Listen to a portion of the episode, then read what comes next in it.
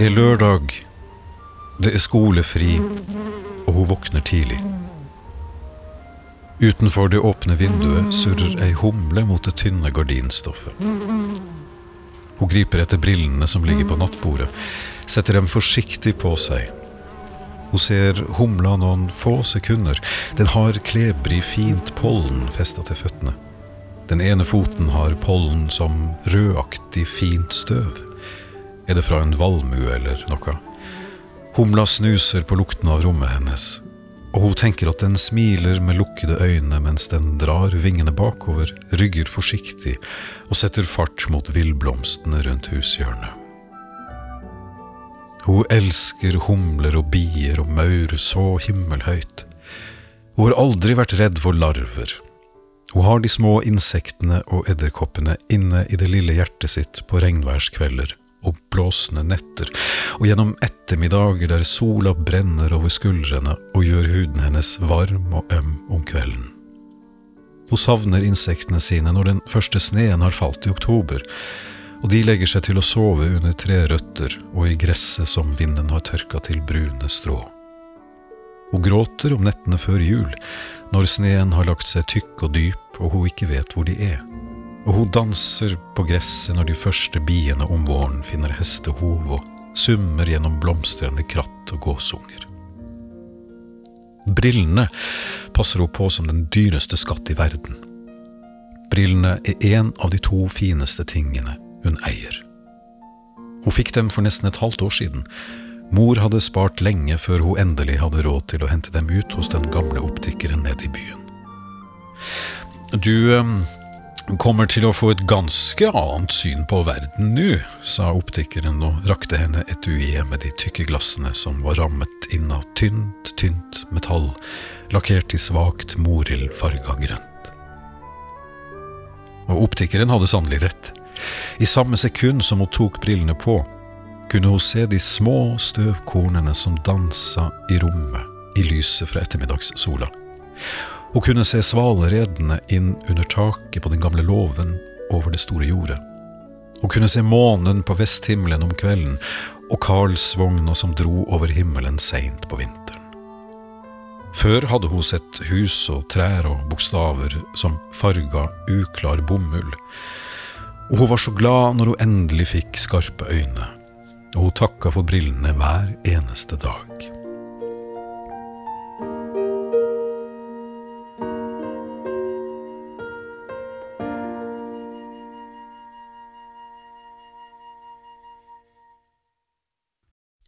Ikke minst så kunne hun se insektene klart og tydelig.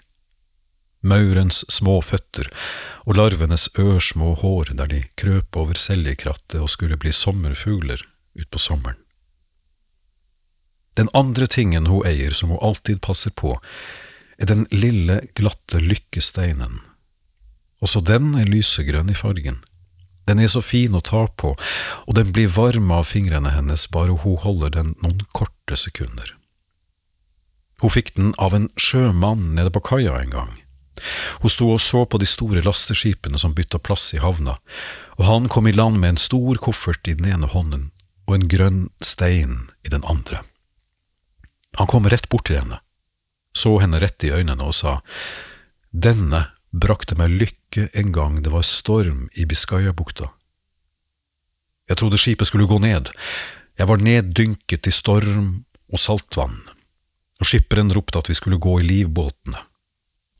Denne steinen holdt jeg i lomma, og jeg ba den om hjelp. Og som ved et under, sa sjømannen, stilna stormen, som om det aldri hadde vært annet enn blikkstille hav. Og nu, nu er denne steinen din, sa han, la den varsomt mot kinnet hennes, og tok imot forsiktig med den ene hånden. Farvel, sa sjømannen løfta kofferten og gikk til et nytt liv på land.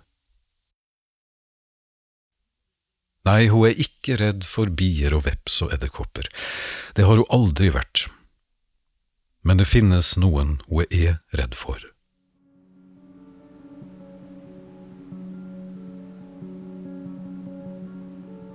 Hun er så redd for dem at hun nesten ikke får puste bare hun tenker på det. Gjengen i svingen. Noen av dem går i klassen hennes, og de har plaga og erta henne lenge. Lenge.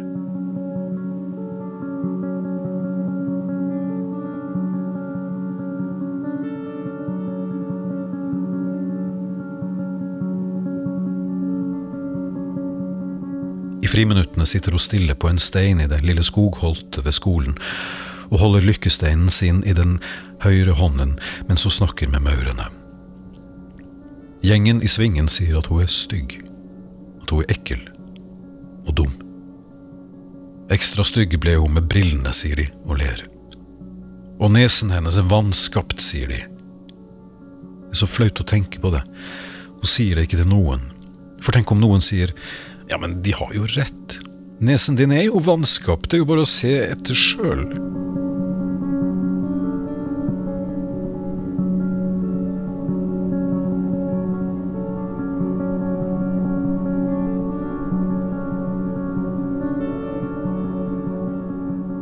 De venter alltid på henne når hun skal til butikken. Det er alltid henne de venter på. De går ved siden av henne og sier stygge saker. Men nå nå har hun funnet en annen vei til butikken. En hemmelig vei bare hun vet om. Den går forbi ei stor maurtue og et digert furutre. Det er riktignok en ganske lang vei, men hun får være i fred der. Ingen vet om den veien.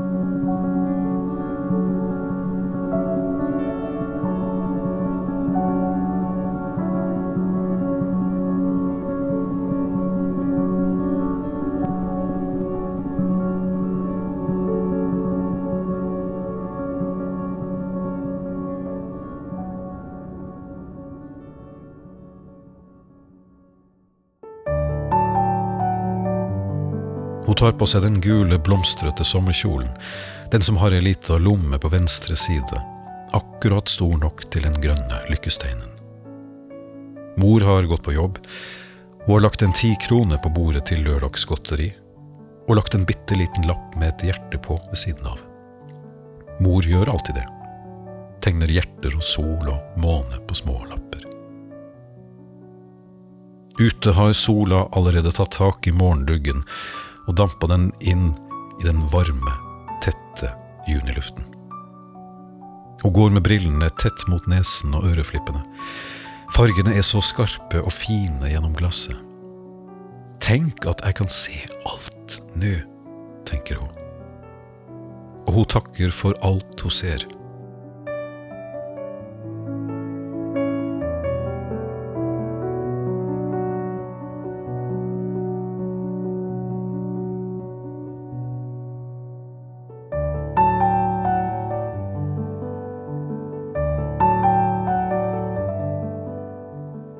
Øyenstikker slår følge med henne et stykke, som om den passer på at hun har det bra.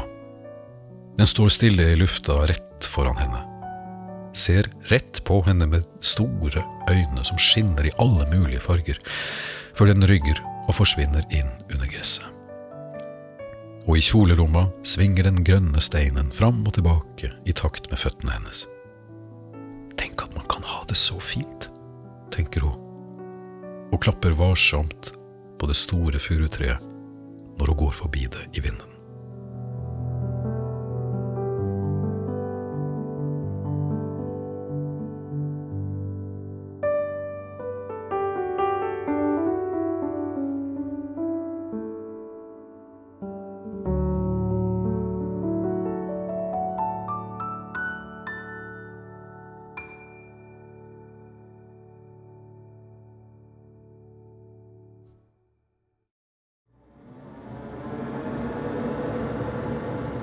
Men så ser hun dem. De står med syklene sine rett bortenfor jorda. Hun kjenner dem igjen med en gang. De to høye, og hun med stramt fletta hår. Og hun blir så redd at hun holder på å falle. De må ha fulgt etter henne i hemmelighet og funnet den hemmelige veien. Og nå står gjengen i svingen der og venter på henne.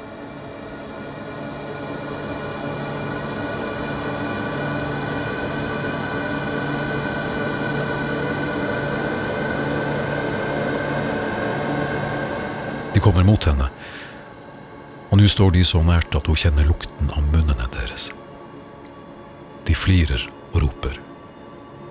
Jaha, så det er her du går, sier han ene høye og dytter henne i skuldra. Har den stygge nesa di klart å lukte seg fram til en omvei, hæ? Ikke verst, sier han, og de andre trekker tettere mot henne og puster henne i ansiktet. Vet du hva, sier hun med det flettede håret. Nå vil vi ha brillene dine. Det er akkurat det vi vil ha, sier han andre høye, og plutselig velter de henne over ende i grusen. De holder henne fast. To av dem, mens den tredje står på kne over henne og griper etter brillene med en krokete, skitten hånd. Nå er hun så redd at hun bare skriker. Hun vrir hodet fra side til side, prøver å gjemme ansiktet i grusen, men han får tak i brillene hennes og holder dem hardt i hånden.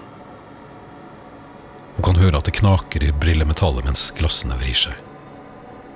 Og noen ganger, noen ganger i livet skal man bare si det som det er. Man skal bare rope det ut, de ærligste ordene man har, de som ligger gjemt til nødbruk. Og hun roper det, og hun roper det. Ikke ta brillene mine, da ser jeg ingenting.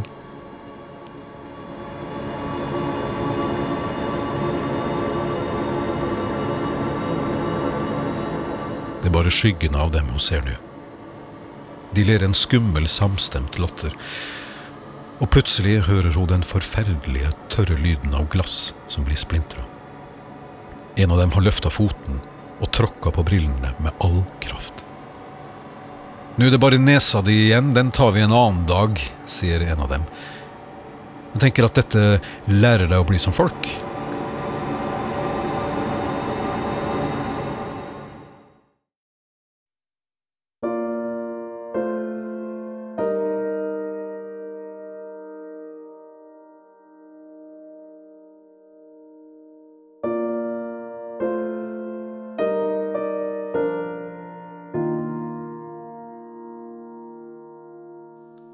Så hører hun lyden av sykler som setter fart og forsvinner.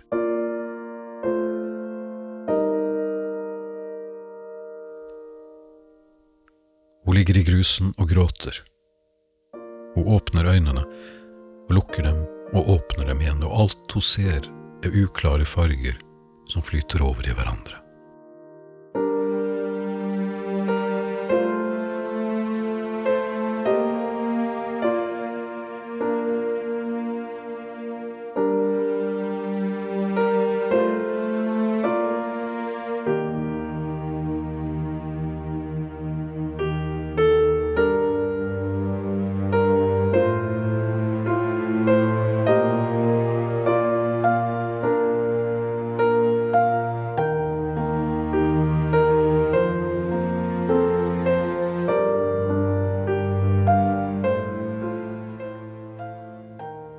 Alle som har opplevd fæle ting, katastrofer og orkan og alt sånt, forteller om stillheten etterpå. Når alt er over, da er det bare stillheten tilbake. Som om ingenting har vært. Som om alt er som før.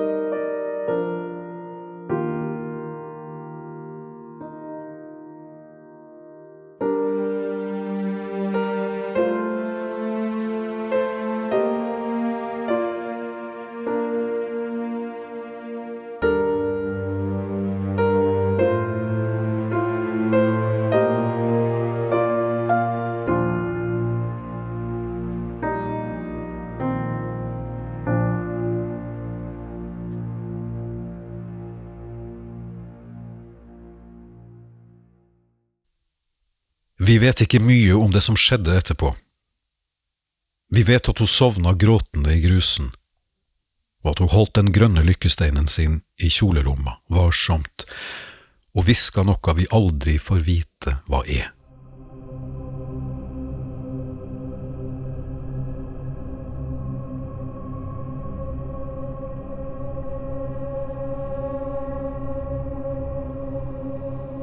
Vi vet veldig lite om hva som deretter hendte, men vi vet at plutselig var den store maurtua bak furutreet tomme for maur.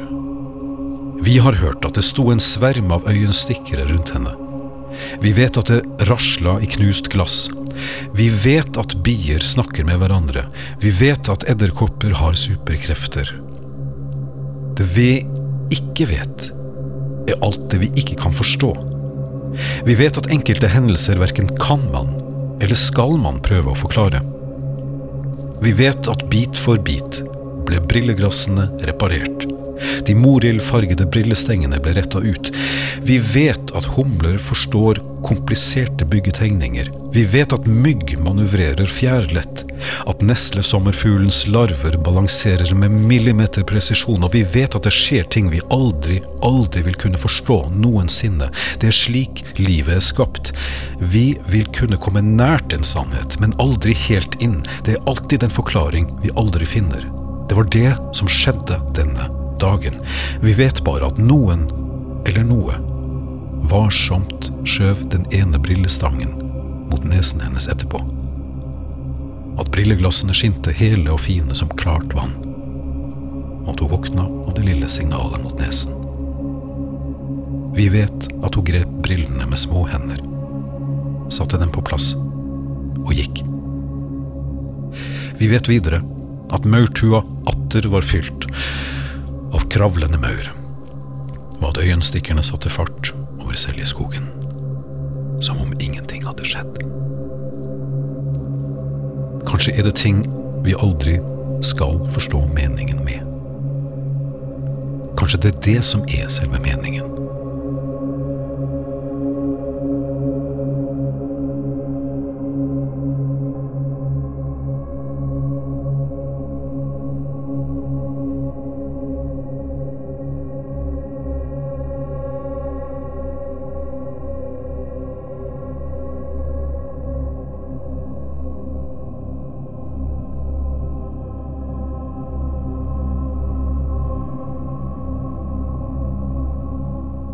Finnes iallfall to mennesker som vet akkurat det. Den ene er ei jente med briller og gul sommerkjole. Og den andre er en avmønstra sjømann med en gammel koffert.